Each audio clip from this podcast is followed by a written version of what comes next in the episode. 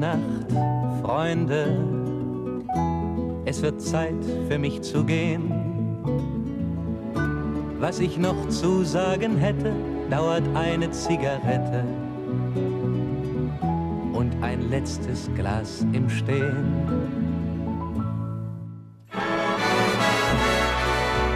Dit is Het Beste uit het Oog. De wekelijkse podcast van NOS met het oog op morgen. Buiten is het 24 graden. Binnen zit Mieke van der Wij. Welkom bij een nieuwe aflevering van Het Beste uit het Oog. We hebben vier mooie gesprekken voor u geselecteerd die het waard zijn om nog eens terug te luisteren.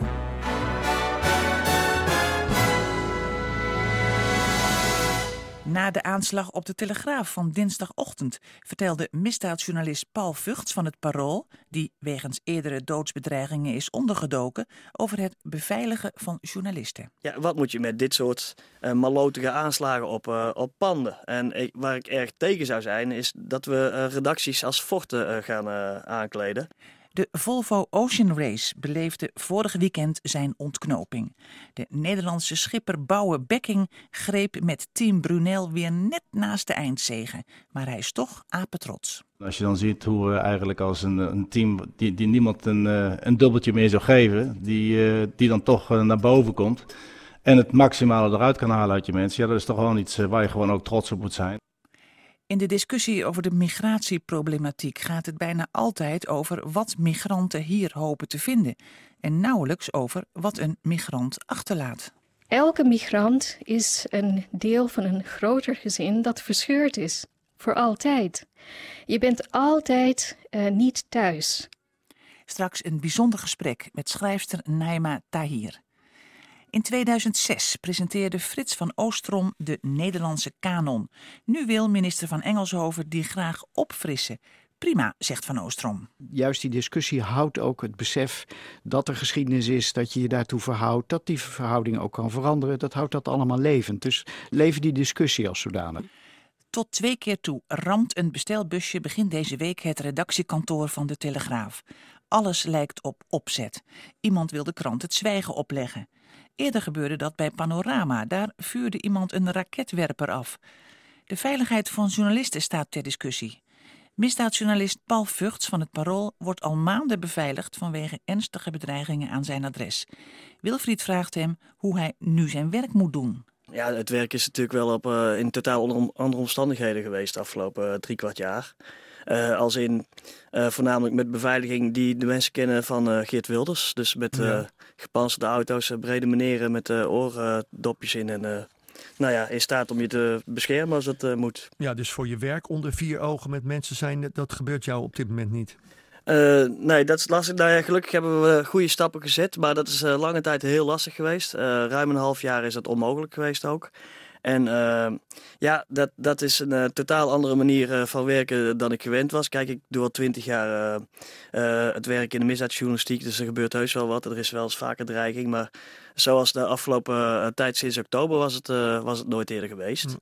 Nee. En dat uh, maakt natuurlijk is dat ook lastiger om met uh, bijvoorbeeld criminelen af te spreken. Alle andere dingen worden wel geregeld. Ik moet zeggen, die beveiligers, dat is een fantastische organisatie, die doen ontzettend hun best. Maar ja, je bent uh, nooit alleen en je privacy is, is er gewoon niet. wat is jouw indruk van wat er bij de Telegraaf gebeurde?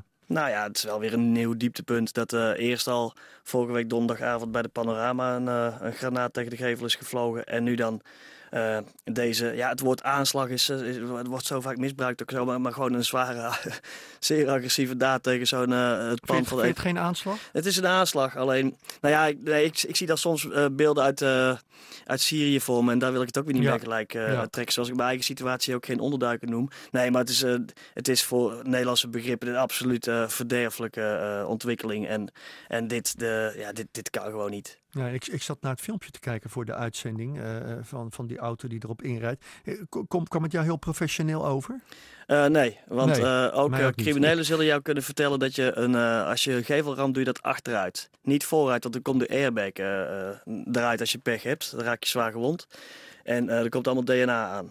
Dus nee, dat is al niet uh, professioneel. Allerlei dingen waren onprofessioneel, maar ik wil er ook niet lacherig over doen, want ik vind het wel iets groots. Ik vind ja, het wel. Het ook. Ja, nee, maar je kon zien dat die auto leek wel weer af, af, af te slaan. En voordat hij voor de tweede keer naar voren reed, het, het zag er wat klungelig uit. Ik, ik, ik heb het in de, in de krant vandaag beschreven als uh, een mengeling van amateurisme en professionaliteit door elkaar. Hij heeft wel weer gewoon een goede vluchtauto geregeld en hij is nog steeds kwijt. Ja. Nou ja, zo hadden we afgelopen donderdag iemand schiet met een raketwerper en uh, is toch niet zo handig met dat ding, want uh, dat, dat moet uh, anders. En laat hem ook daar achter en wordt hem onmiddellijk gepakt. Dus dat is aan de ene kant allemaal amateuristisch. Maar, maar de dat impact gebeurt, is groot. En dat hm? ze dat soort oorlogstuig hebben als een raketwerper. En dat ze, dat ze bereid zijn om met zo'n auto op een gevel in te rijden en daar enorme schade te veroorzaken. En het puur uitzetten op intimidatie. Ehm, uh, gelukkig is het dan, gebeurt het s'nachts, dus is het duidelijk dat het uh, intimidatie het doel is en niet het uh, maken van, van, van, veel slachtoffers. Maar, daar ben je ook nooit zeker van trouwens. Daar ben je zeker nooit zeker van. Er zijn ook altijd beveiligers daar. Maar het gaat erom het hele ehm, de hele tijd waarin we nu even zitten is uh, van veel intimidatie. Van mensen die niet pikken dat uh, de journalisten hun werk doen. En uh, daar op allerlei manieren met grof geweld tegen ingaan. Of de grove dreiging.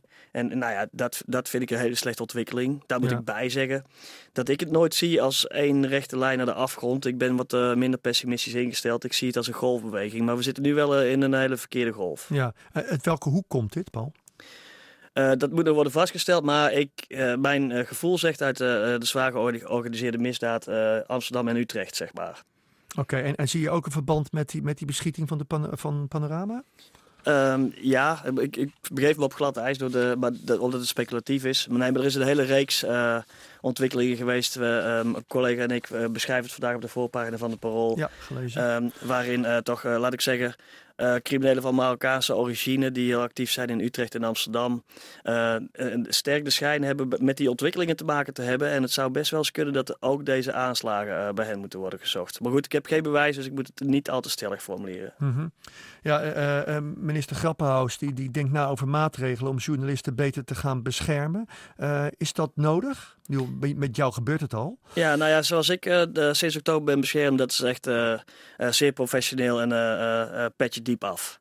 Uh, alleen de organisatie die dat doet en die ook Wilders beveiligt en die ook uh, uh, bijvoorbeeld de regeringsleiders en het Koninklijk Huis beveiligt, dat is allemaal, dat zijn buitengewoon professionele en hele goede mensen. Alleen die hebben zware ondercapaciteit. Iets anders is ook dat ehm, als je bijvoorbeeld freelancer bent, ik ben in vaste dienst, want er komen ook nog best wel wat kosten, die komen op de werkgever ja, te neer. die verhaald, ja. En, ja, en, en een freelancer heeft daar ook problemen. Uh, plus, um, ja, wat moet je met dit soort uh, malotige aanslagen op, uh, op panden? En ik, waar ik erg tegen zou zijn, is dat we redacties als forten gaan aankleden. Omdat dat een hoop schijnveiligheid schept. dat moeten we niet doen. We moeten ook geen angst uitstralen. We moeten gewoon een stukje schrijven en radio-uitzendingen maken, televisie. gewoon rustig blijven, nuchter en cool. Mhm. Eh, en kijken wat, wat zinnige veiligheidsmaatregelen zijn. In Amsterdam worden nu wat maatregelen genomen, wat camera's en wat meer surveillance en zo. Dat vind ik allemaal prima.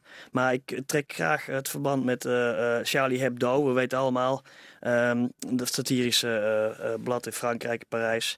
Uh, dat was een van de best beveiligde redacties in, in, in, elk geval West-Europa. Mm -hmm. En daar zijn de afschuwelijkste aanslagen van de, de afgelopen nou ja, decennia, denk ik, in de journalistiek. Um, aan de andere kant is, het natuurlijk, is dit een, een, een heftige vorm van intimidatie, waardoor een gemiddelde journalist misschien zal denken: oké, okay, ik zit in dit werk, maar is het me dit allemaal waard? Het, jij hebt je dat ook afgevraagd, neem ik ja, aan? natuurlijk. Ik zou mezelf niet als een uh, bovengemiddelde journalist willen neerzetten. Of ook niet als een of andere stoere uh, bink. Maar uh, ik voel het gewoon niet zo. Ik uh, vind dat uh, ons werk belangrijk is. Misdaadjournalistiek in het algemeen en misdaadjournalistiek uh, in een aparte tak. Ik vind dat het moet gebeuren. Ik zal mezelf daar ook niet uit terugtrekken. want anders moet een ander het doen. en die loopt dan ook weer allerlei risico's. Ik vind dat het verantwoord is. Ook de risico's die ik zelf neem en die mijn collega's nemen. Ik vind ook dat we um, geen stap terug moeten doen, want dan zal ook het geweld exponentieel toenemen. Je kunt je voorstellen dat als je een millimeter uh, toegeeft aan mhm. dreiging, uh, dat het uh, veel aantrekkelijker wordt uh, om dreiging te creëren. Ja. Dus ook dat is een goede reden, ook uit, zelfs uit eigen belang, om gewoon zo goed mogelijk je werk te doen. En dat kan echt in Nederland. Ja, maar zie, zie, je, zie, je men, zie je al in de journalistiek in, in Nederland of misschien in het buitenland dat, dat er een terugtrekkende beweging soms wordt gemaakt? Ehm, niet in mijn deel van de misdaadjournalistiek. Ik weet wel van uh, cameraploegen bijvoorbeeld, die eh, in uh, moeilijke wijken, bijvoorbeeld, ik noem wat, in Den Haag of in Amsterdam-West, moeten werken met bijvoorbeeld tijdens op, opgewonden uh, toestanden. Uh, dat mensen klappen krijgen, dat mensen hun spullen worden vernield, dat mensen in, het, in een gracht worden gegooid. En dat er dan wel mensen zijn die zeggen: Ja, ik ga die, uh, die wijk maar niet meer in.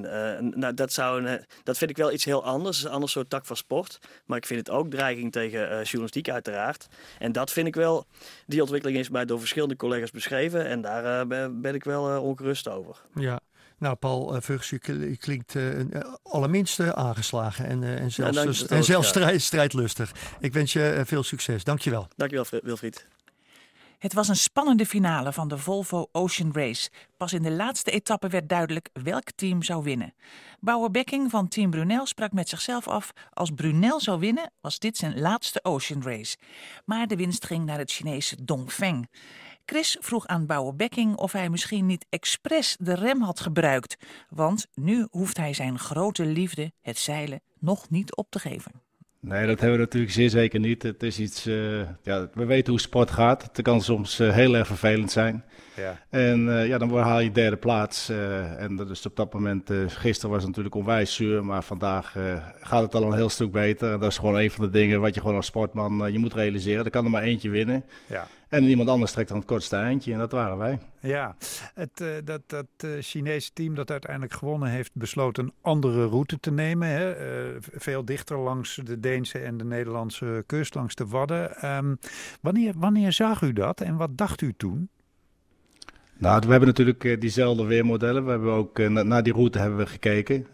we wisten op het moment ja, we moesten een keuze maken en wij hebben eigenlijk de hele race hebben wij meer een, een ander model hebben wij gevolgd met, eh, met goede resultaten. Mm. Uh, we weten dat er een Franse schipper aan boord zit, dus uh, hij heeft het Franse model heeft hij, gekozen. En als we die beide routes naar elkaar, tegen elkaar zouden laten varen, dan zou er een verschil zijn geweest tussen ongeveer 10 minuten. En mm. toen hebben wij voor de minder ja, risicovolle route gekozen, wat wij zelf dachten. Dus, ja. ja. je weet als je over ja. de Waddeneilanden vaart en de wind draait iets, dan kan het ineens, uh, 10 minuten kan er zelfs een twee uur uh, verlies opleveren. Dus we hebben gewoon uh, ja, op, op zekerheid ge, gegokt, kan, kan, kan, zullen sommige mensen zeggen. Want er zijn ook allemaal experten die zeggen, je hebt de verkeerde route gekozen.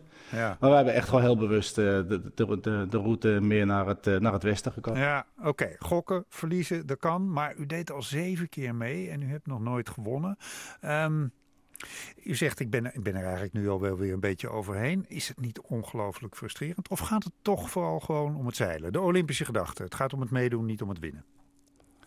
Nou, dat is natuurlijk, uh, je, je, bent zeilen. Ik, uh, het is mijn beroep geworden. Dat is nog steeds iets, het is mijn hobby geweest het is nog steeds ergens wel mijn hobby. Hmm. Maar je wil natuurlijk, uh, je, wil, je, wil, je, je, vaart en je bent competitive om te winnen. En ja, dan is het natuurlijk, aan de ene kant is het zuur dat je nooit gewonnen hebt. Maar je moet ook naar een heleboel positieve effecten kijken. En als je dan ziet hoe wij deze keer met Team Brunel ja, eigenlijk zo laat zijn begonnen. En als je dan ziet hoe we eigenlijk als een, een team die, die niemand een, een dubbeltje meer zou geven, die, die dan toch naar boven komt. En het maximale eruit kan halen uit je mensen. Ja, dat is toch gewoon iets eh, waar je gewoon ook trots op moet zijn. Dat is dan, dan win je misschien niet, maar je, je weet gewoon, je bent een hele grote kans hebben geweest. Wat was het mooiste stukje van het hele traject? Ja, er zijn altijd uh, hele mooie stukken. Maar het is natuurlijk, uh, toen wij de etappe rondom Kaap Horen wonnen, dus van Auckland naar Brazilië. Ja, dat is iets uh, wat gewoon ja, voor ons natuurlijk was een breekpunt, laat ik het zo zeggen. Uh, de, de, we, we, konden omhoog kijken, uh, maar dat is gewoon een, ja, dat is de koningsetappe. En uh, ja. als je die wint, dat is gewoon, ja, dat geeft een hoop voldoening. Ja, en klinkt het dan de hele dag zo?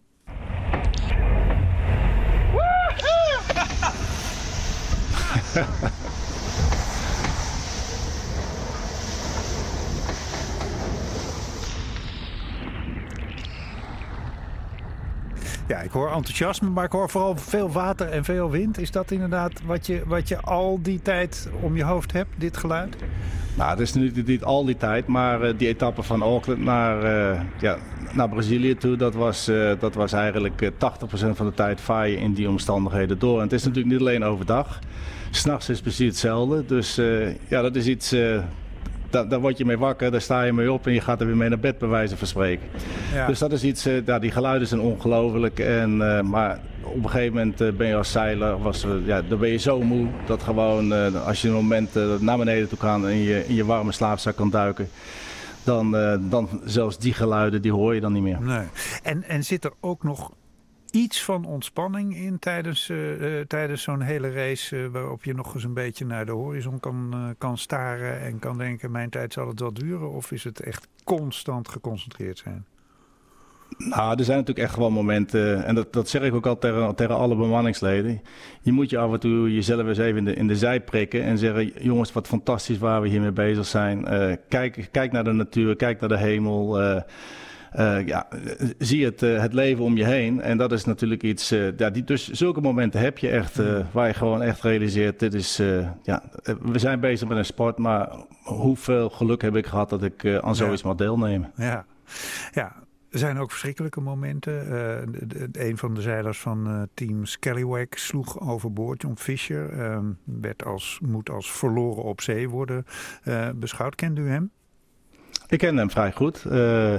En dat is natuurlijk een van de hele moeilijke dingen. Ik, misschien dat sommige mensen zich kunnen herinneren mijn, mijn interview die ik, die ik in Itaja deed. Dat mijn, de, de, de, tranen die kwamen uit mijn ogen. En dat is gewoon iets, dat is iets emotioneels. Maar dat is dan eigenlijk ook meer een reflectie van mijzelf als schipper zijnde.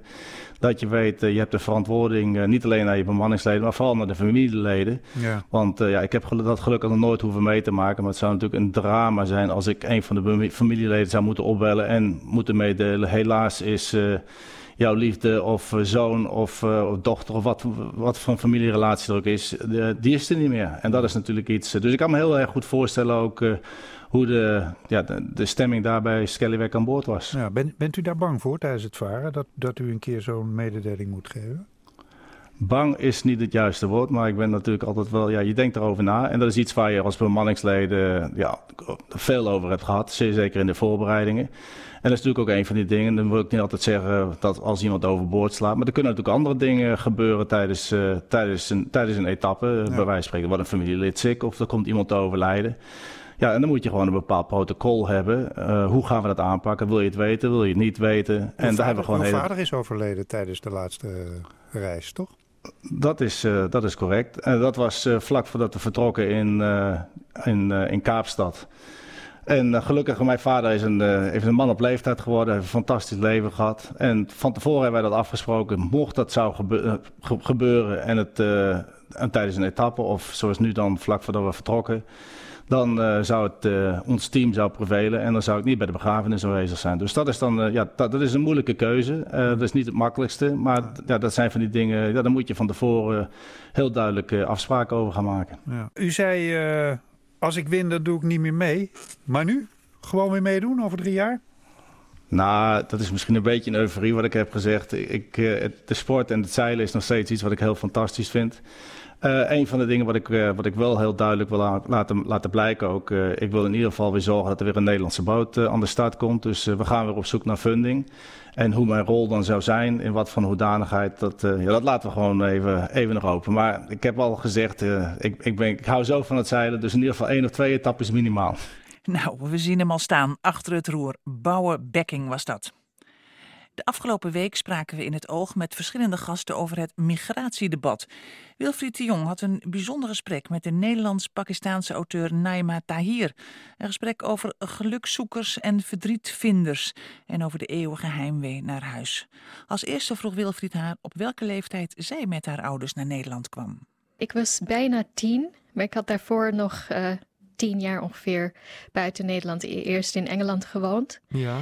En um, toen ik 14 was, vertrokken we weer uit Nederland naar Pakistan. Toen ik 16 was, vertrokken we uit Pakistan weer terug naar Nederland. Oké, okay. een, een, een, een, rare U-bocht gemaakt, zou ik maar zeggen, vanuit Engeland.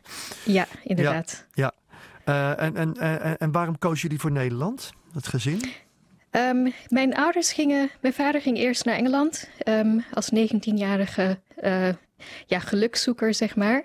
en hij ging daar tijdelijk en wilde eigenlijk ook weer terug naar Pakistan. Maar hij stichtte een gezin en op een gegeven moment had hij um, allerlei nare dingen meegemaakt in Engeland. Hij was postbode. En werd een keer uh, tot twee keer toe op straat in elkaar geslagen door gangs. En um, dat knakte, iets knakte in hem. En hij dacht van, nou, ik wil weg uit Engeland, ik wil naar een ander land. En hij is eind jaren zeventig begonnen te reizen naar allerlei landen in Europa. Mm -hmm. België, Nederland, Denemarken, Duitsland. En hij vond Nederland heel mooi. Uh, heerlijke melkproducten, de langste komkommers. Uh, mensen zeiden dag tegen je op straat. En hij zei: Dit wordt het land waar we gaan wonen. Maar ook dat was in zijn ogen een tijdelijk land, want uiteindelijk wilden hij en mijn moeder toch terug naar Pakistan. Ja. Dus we verhuisden naar Nederland omdat we weg wilden uit Engeland. Uh, maar het idee was toch om ook hier weg te gaan. Ja. Jij gebruikte net het woord gelukszoeker. Dat de, de, eigenlijk in die tijd al. Maar dat woord bestond helemaal misschien nog niet. Nee, het is, ik, ik gebruik het. Maar in die tijd was het helemaal niet uh, gelukszoeker. Kijk, uh, Engeland is, is een voormalige kolonisator van Brits-Indië geweest. En in de jaren 50, 60, 70 hebben ze eigenlijk tot, tot eind 60 jaren veel voormalige um, veel mensen uit de voormalige koloniën uitgenodigd om te komen werken. Dus mensen uit Bangladesh, uit um, India, uit de West-Indies, uit mhm. Pakistan ook. En in die hoedanigheid is mijn vader naar uh, Engeland gegaan, dus echt als werker. Ja. En uh, gelukzoeker is eigenlijk een jonge term. Dit, ja. Dat is, uh, ja, ik gebruik het, maar het was iets anders ja, toen. Ja, is ook zo. Ja. Hoe, kijk, hoe kijk je eigenlijk aan tegen de manier waarop er op dit moment wordt gedebatteerd over migranten en migratie? Het is een, uh, weer een nieuwe dimensie die is toegevoegd. Um, kijk, eerst had je die migranten die naar het westen toe kwamen. In principe kwamen ze tijdelijk. De eerste generatie had altijd dat terugkeeridee van we willen uiteindelijk terug, we willen iets opbouwen in onze eigen land van herkomst. Um, zij kregen kinderen, de tweede, derde generatie. En Um, tot tien jaar terug was het echt integratie. Hè? De mensen die hier zijn in Europa moeten integreren. Dat was de kern van het debat over migratie. Mm -hmm. En sinds de uh, vluchtelingencrisis van de afgelopen jaren uh, is het met name de vraag van, nou ja, er komen zoveel vluchtelingen, echt een maasinflux, zoals dat heet in VN-termen. Wat moeten we daartegen doen? Moeten we de grenzen sluiten? Kunnen we het aan? Is het verzadigingspunt bereikt? Er is een hele nieuwe negatieve element toegevoegd aan het debat over uh, migratie. Maar er zijn ook best hele zware kernvragen die wij moeten stellen.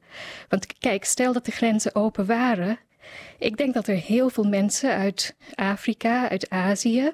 Ik kom zelf uit Pakistan. Ik weet dat er heel veel mensen, als de grenzen open zouden zijn, miljoenen, honderden miljoenen zouden willen uh, zouden naar Europa willen komen. Ja. Kunnen we dat aan? Willen we dat? Dat zijn de hele fundamentele vragen en van nu. En wat denk jij daarvan?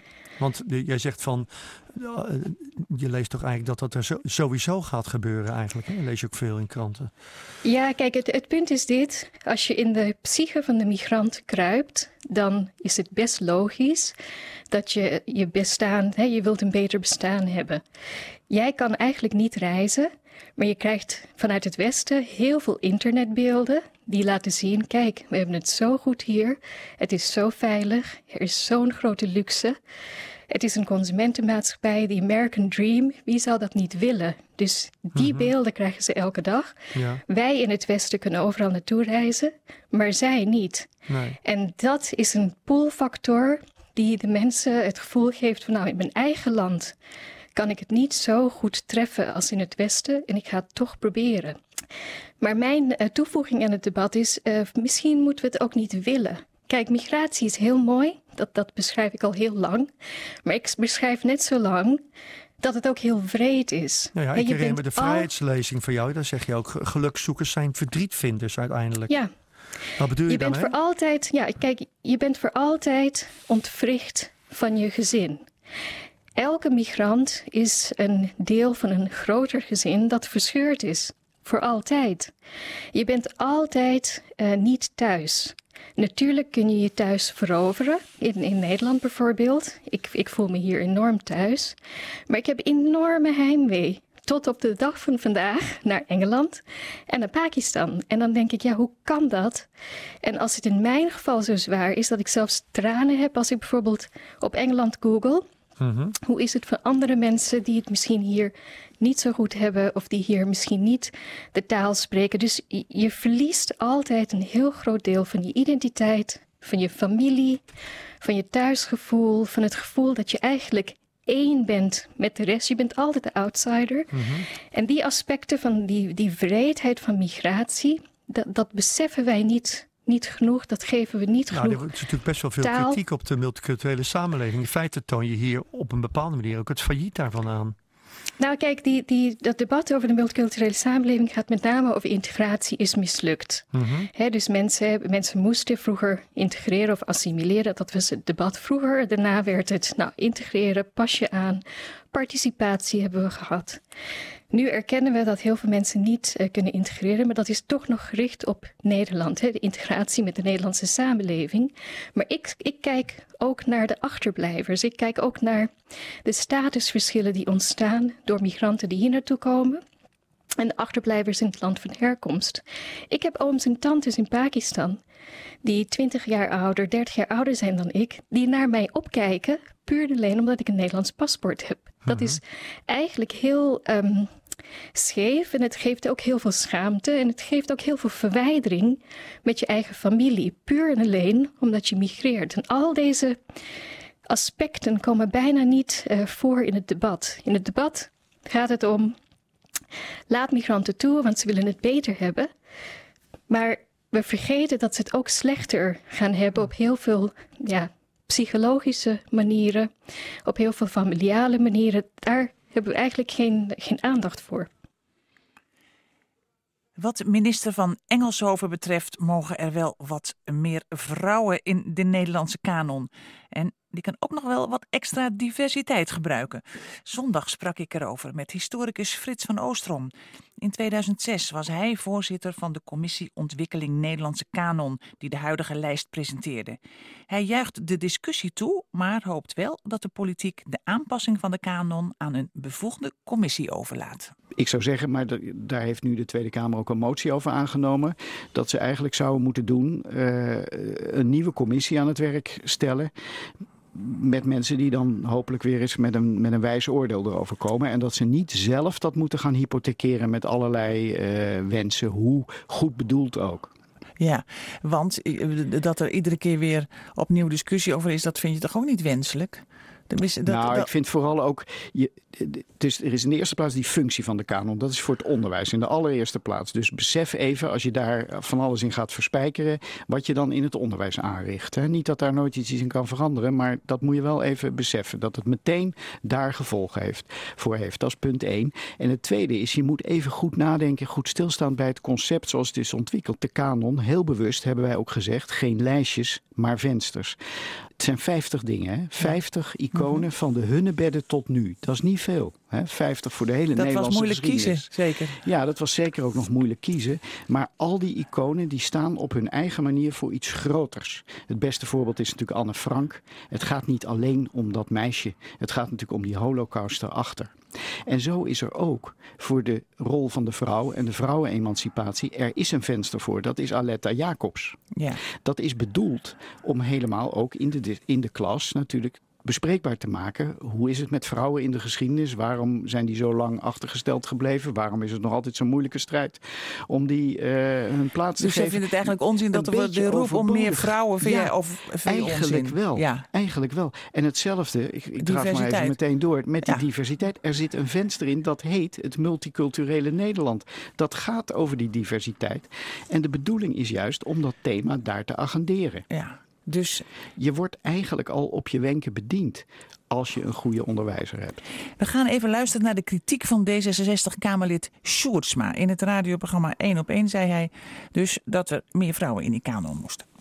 Als ik bijvoorbeeld kijk naar, en u zei dat al, het aantal vrouwen in de kanon, dat zijn er drie. En het lijkt een beetje alsof ze bij de A in het alfabet zijn blijven steken. Aletta Jacobs, Annie M. G. Smit. Ja, ja dat, is, dat is natuurlijk goed. Anne Frank, dus ja, de derde. We hebben er drie gehad, hè? Ja.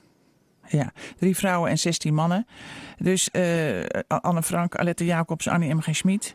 Ja, bij de A zijn ze blijven steken. Ja, nou ja, nou, dat vind ik wel een geestige formulering. Maar zo is het natuurlijk niet gegaan. Dat zal hij ook wel niet bedoelen. Nee, maar snap je wel waar die roep vandaan komt? Je, ja, ja, je vindt zoveel dat je kan snappen. Je, je vindt het onzin. Je vindt ook nou, eigenlijk... onzin. Ik vind een Nogmaals, denk nou even na over dat concept. Uh, hij wil meer vrouwen erin. En besef ook even het volgende. Uh, kijk, geschiedenis is nooit helemaal waardevrij. Dus ook de onze, ga ik heus niet zeggen, is niet een, een, een spijkerharde waarheid zoals een bewijs van de stelling van Pythagoras dat kan zijn. Het is ook een kwestie van dosering, appreciatie, interpretatie, ook vanuit een bepaalde tijd. Absoluut waar. En dan, daarom kan je er dus ook wat in veranderen. Dat is de ene kant van de zaak. Maar je moet toch een beetje oppassen met vanuit hedendaagse occupaties te gaan zeggen. En dan gaan we ter wille van dat doel, meer aandacht voor de vrouw, meer aandacht voor diversiteit. Gaan we de geschiedenis eens even herdefiniëren. He, die gaan we op een andere manier presenteren. Uh, kijk, heel bewust hebben wij gekozen ook voor de, voor de, als titel voor het hele project en toen.nu. Dus we behandelen in de klas toen en dan gaan we van daaruit naar het nu. Als je naar die vensters kijkt, hoe dat mhm. wordt behandeld op die prachtige website die ervan is, dan zal je zien dat bij elk historisch venster wordt de las naar, de, naar vandaag gelegd, wordt geactualiseerd. Maar wat Sjoerdsma en, en geestverwanten nu aan het doen zijn, dat is eigenlijk niet en toen.nu, maar nu en toen. Ja. We gaan vanuit het nu eens even zeggen, we willen meer in de geschiedenis zien van dit en van dat en van dat. Daar moet je toch wel een beetje mee oppassen, lijkt me. En politiek moet zich er misschien gewoon niet zo mee bemoeien. Gevaarlijk. Nee, ik denk dat kijk, de politiek heeft natuurlijk op een gegeven moment wel gezegd: er zij een kanon. Daarom zijn wij überhaupt gekomen. Wij hadden niet gezegd er moet een kanon komen. Wilde de politiek. Maar ik zou zeggen dat is een mooie rolverdeling. Uh, en zo is het toen ook gegaan. Hè. Dat proces wat ik me toch nog heel intens herinner. Ik heb toen uit de beste bron vernomen dat de toenmalige minister-president, toen de kanon werd gepresenteerd voor de ministerraad, het wel jammer vond. Dat was, het was hij, ja. Hij vond het wel jammer dat er geen venster was voor Abraham Kuyper. Ja, ja precies.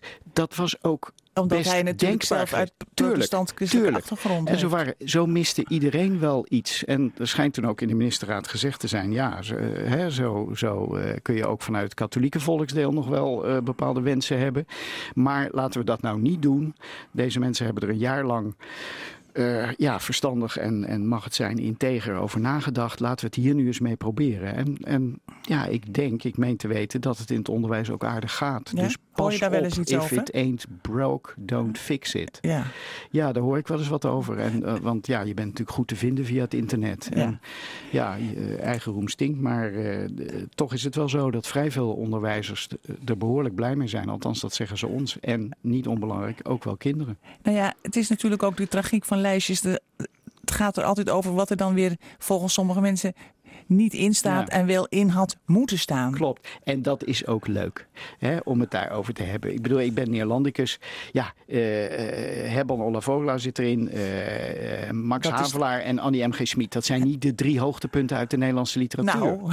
Maar het zijn wel drie hele mooie dingen, denken wij, dachten wij, om juist jonge kinderen te confronteren met het begin van onze taal, althans als literatuur, met dat meesterwerk, wat ook politiek zo'n enorme betekenis had. En die geweldige taalvirtuoos die Annie M. G. Smit was. Wees er blij mee. Ja.